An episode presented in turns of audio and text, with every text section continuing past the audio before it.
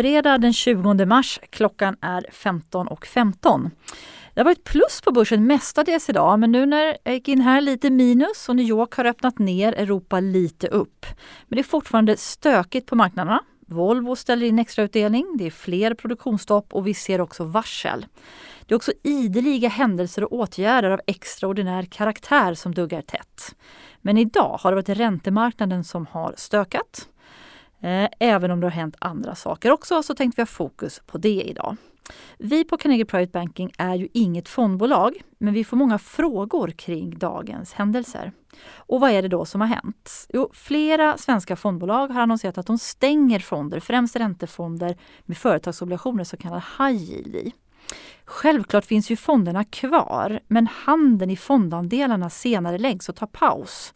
Det är också så att inga värden på de här fondandelarna uppdateras för tillfället då under den här pausen.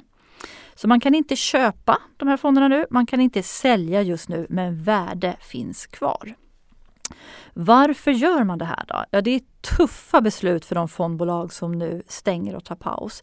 Det är inget man gör lättvindigt, men det är för att skydda kunderna och andelsägarna då det för tillfället inte är möjligt att få pålitlig marknads och prisinformation för att kunna utföra en rättvis värdeberäkning.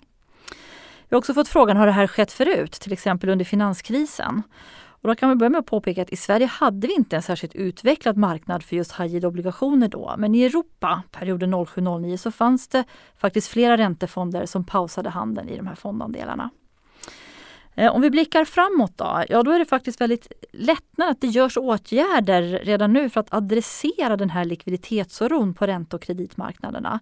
Eh, igår till exempel så kom det ytterligare åtgärder från centralbanker som Fed, men också i Storbritannien, tillväxtmarknader, Norge och Riksbanken i Sverige. Allt då med syftet att förbättra företagens finansieringsmöjligheter i den här coronaoron, men också för att underlätta likviditet och då främst på räntemarknaden. Positivt också att Norge igår upprättade en fond på 50 miljarder för att köpa just företagsobligationer inklusive det här lite mer högrisksegmentet och high yield. Riksbanken också igår kväll annonserade att de kommer köpa företagsobligationer inom ramen för det här stora köpprogrammet på 300 miljarder som de annonserade då förra veckan. Nu väntar vi på detaljer och riktlinjer för det här programmet, det vill säga kommer high yield att vara aktuellt för dem att köpa eller inte. Det kan ge stöd till marknaden. Nu får vi bara följa och se om fler fondbolag tar samma beslut. Det finns en sån risk. Vad tror vi då? Ja, vi har ju tidigare poddar, om ni har lyssnat under veckan, lyft fram faktiskt vår oro lite för företagsobligationsmarknaden. Det kan falla lite till. Det var ju då både corona och konjunkturår, men också just det vi har sett nu, alltså risken för utflöden och likviditet. Men notera att vi i vår förvaltning innan den här marknadsturbulensen hade en ganska defensiv tilt i våra ränteportföljer med undervikt just mot high yield-segmentet på företagsobligationer. Vi hade låg duration, det vill säga vi föredrog korta räntepapper med låg risk. Vi hade också fokus på hög likviditet och efter dagens händelser, vi hade mycket låg exponering mot fonder som nu har stängt. Vi är aktiva. Vi har bara under dagen gjort flera förändringar. Allt med syftet att få större kassa än normalt i portföljerna för att kunna i framtiden då utnyttja felprissättningar och möjligheter som kommer uppstå. Och då framförallt när likviditeten kommer tillbaka på kreditmarknaden. Vill du ha råd och mer information så får du gärna kontakta din rådgivare. Notera också att på aktiemarknaden finns ju inte alls den här likviditets och prissättningsproblematiken. Kanske lite för vissa småbolag, men god likviditet i aktier till skillnad från företagsobligationer just nu. Nu tar vi helg. Nästa vecka fortsätter vi med högt tempo i våra marknadskommentarer som vi ger varje dag.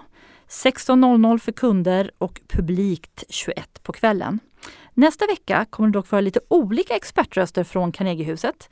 Bland annat Jonny Torssell, vår tekniska analytiker. Återigen Carl Hedberg från vårt aktiemäkleri, men också Peter Nelson, vår förvaltare av svenska aktier och tillika förvaltningschef på Carnegie Private Banking. Välkomna att lyssna även efter helgen.